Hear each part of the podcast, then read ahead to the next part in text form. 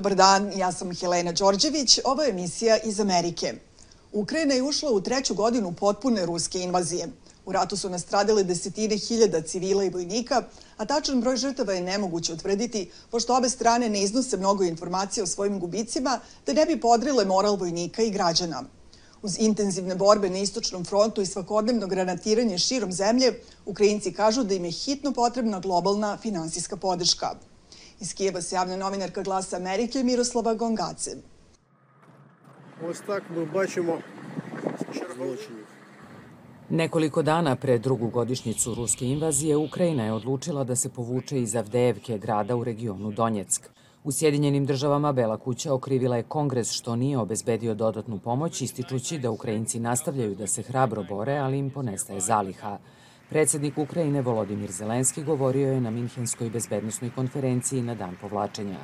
Do not ask Ne pitajte Ukrajinu kada će se rat završiti. Zapitajte se zašto Putin i dalje može da ga vodi. Ukrajinci u Kijevu to teško podnose i spremaju se za produženi rat. Urednica portala Kijev Independent Olga Rudenko bila je za svojim radnim stolom kada je ruska invazija počela 22. februara. Anthony Blinken said that the invasion of Ukraine Anthony Blinken je rekao da će invazija na Ukrajinu početi pre zore i to je bio trenutak kada je odjednom sve postalo veoma stvarno. Kada je predsednik Rusije Vladimir Putin završio govor u oči invazije, Olga je bila spremna. we prepared a news item saying Putin announces um, Pripremili smo izveštaj da je Putin objavio rat Ukrajini i kada je završio govor objavili smo ga. I otprilike u to vreme čuli smo eksplozije. Posle dve godine neprekidnog izveštavanja o ratu, Kijev Independent je postao glavna publikacija na engleskom jeziku koja izveštava o događajima na terenu u Ukrajini. Njen cilj je da pomogne svetu da shvati zašta se Ukrajinci bore. it is very frustrating to be here in Veoma je frustrirajuće biti ovde u Ukrajini i gledati sve vesti koje stižu iz Američkog kongresa koji ne može da glasa za paket pomoći za Ukrajinu, jer je za njih to možda samo jedna suma, jedna brojka. Ali za nas radi se o stvarnim životima i stvarnim ljudima. Volodimir Omelijan je major oružanih snaga Ukrajine i bivši ukrajinski ministar infrastrukture. Na centralnom trgu u Kijevu govori o tome kakvo je stanje uma Ukrajine. we become much stronger uh, by arms, by people. Postali smo mnogo jači sa oružjem, ljudima, ali to definitivno ne znači da sve ide glatko. I nije da će se rat završiti za dve ili tri nedelje ili vrlo brzo. Nažalost, bit će potrebno vreme, ali moral je i dalje veoma visok. Kad nema volje, nema ni pobede, a u našem slučaju volja je jaka.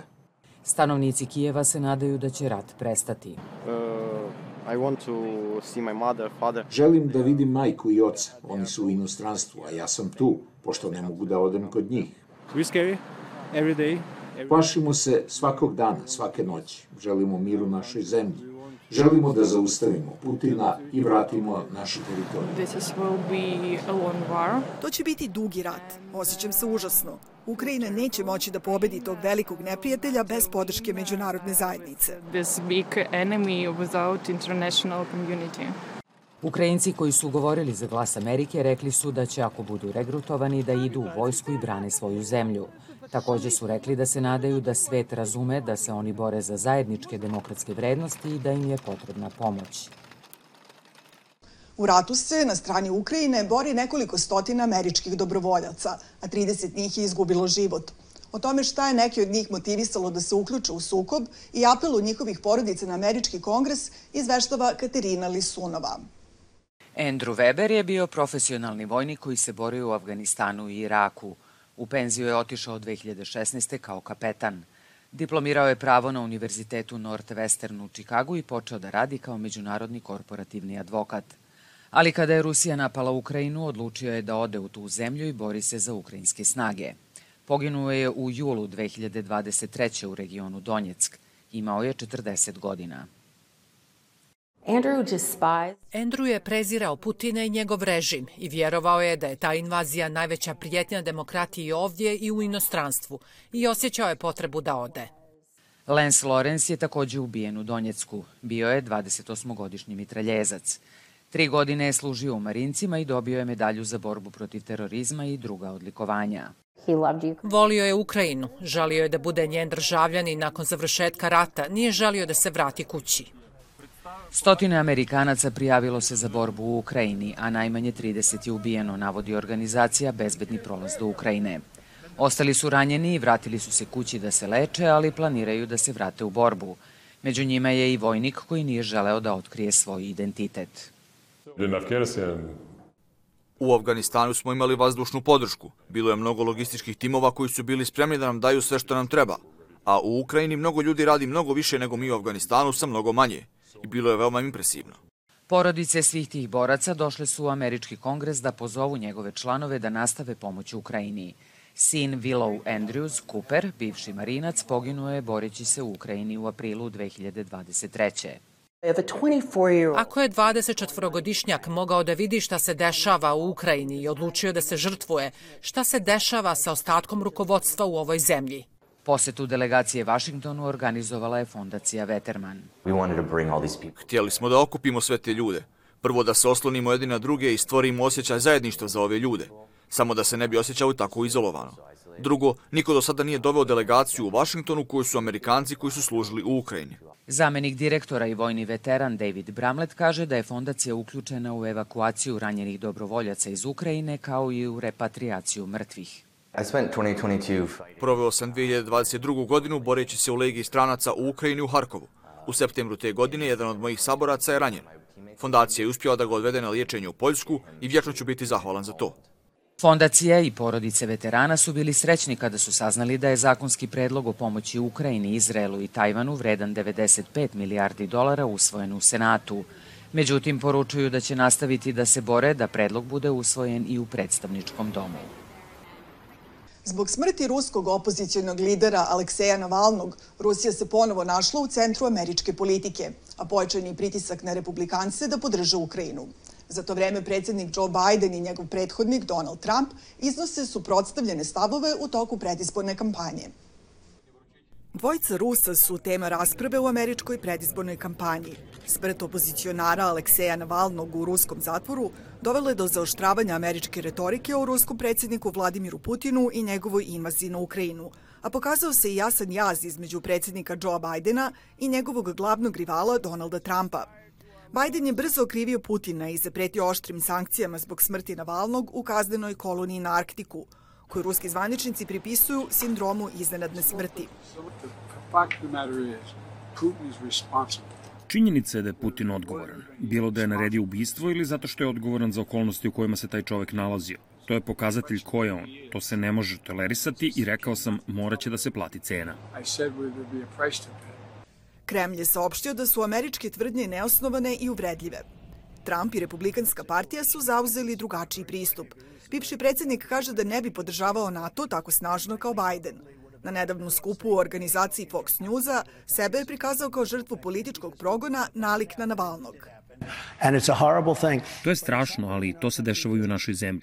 Na mnogo načina se pretvaramo u komunističku zemlju. Ako pogledate, ja sam kandidat u vođstvu i protiv mene su podignute četiri optužnice. Nikada nisam čuo da je neko optužen ranije. Imam osam ili devet suđenja, sve zbog činjenice, a vi to znate, da se bavim politikom. Trump je bio neodređen u pogledu toga kako bi okončao rat Rusije protiv Ukrajine. Umesto toga navodi da Putin nikada ne bi izvršio invaziju da je on bio predsednik. Republikanci dovode u pitanje zašto treba da finansiraju taj sukob. Ruska vojska nedavno je osvojila ključni grad Avdejevku, a Bela kuća kaže da je to dokaz da je ukrajinskim snagama hitno potrebna pomoć. Neki republikanci su uvereni da će zakočeni paket pomoći u vrednosti od 96 milijardi dolara biti usvojen. Veći deo te sume namenjen je Ukrajini. Mislim da sporo reagovanje Evrope i Sjedinjenih država nanosi štetu Ukrajini i zato ne smemo to da dozvolimo. Umeđu vremenu, rat je dobio širu dimenziju. This is becoming about America. What is Will America continue? Ovde se sada radi o Americi. Da li će Amerika nastaviti da igra ulogu sile koja ispunjava svoje obećanja, poštuje saveznike i može da projektuje snagu? Ili ovo kraj Amerike kao ozbiljne svetske sile? To je sada pitanje. Više se ne radi o Rusiji ili Ukrajini. Moskva i Vašington su udaljeni skoro 8000 km. Međutim, dok Sjedinjene države idu ka novembarskim izborima, sudbine dve zemlje su ponovo isprepletene, možda više nego ikad. Prema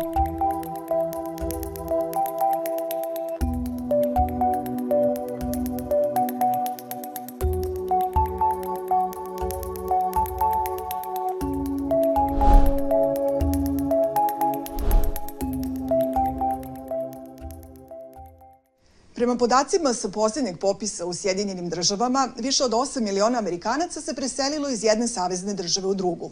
Desetine hiljada ljudi su napustile Kaliforniju, dok na Floridi, gde živi oko 22 miliona ljudi, sve brže raste broj stanovnika. Šta su uzroci za ovakvu demografsku sliku u priči Angeline Bagdasarjan? John Gabon se doselio u Kaliforniju 2001. godine. Danas je vlasnik turističke agencije na Hollywoodskom bulevaru. Organizuje obilaske, pokazuje turistima kuće slavnih i vodi ih po Los Angelesu. Ja sam sa juga Francuske, ali želio sam da ostvarim američki san i došao sam u Kaliforniju. Ali neki lokalci odatle odlaze, kaže Gabon. Među njima su i njegovi prijatelji.